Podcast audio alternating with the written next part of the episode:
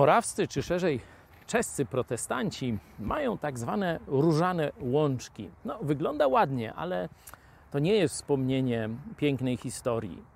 E, oczywiście to legenda, że te dzikie róże wyrosły na łzach wygnańców. Dlaczego wygnańców?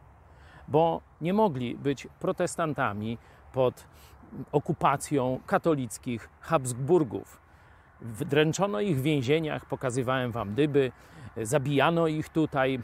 Część emigrowała i te różane łączki to miejsca płaczu, gdzie oni żegnali się ze swoją ojczyzną i szli na wygnanie. Ale jak pokazała historia, to ich poświęcenie, to wygnanie posłużyło rozkrzewieniu Ewangelii na cały świat. Możecie zobaczyć bracia morawscy i mapę dotarcia do całego świata.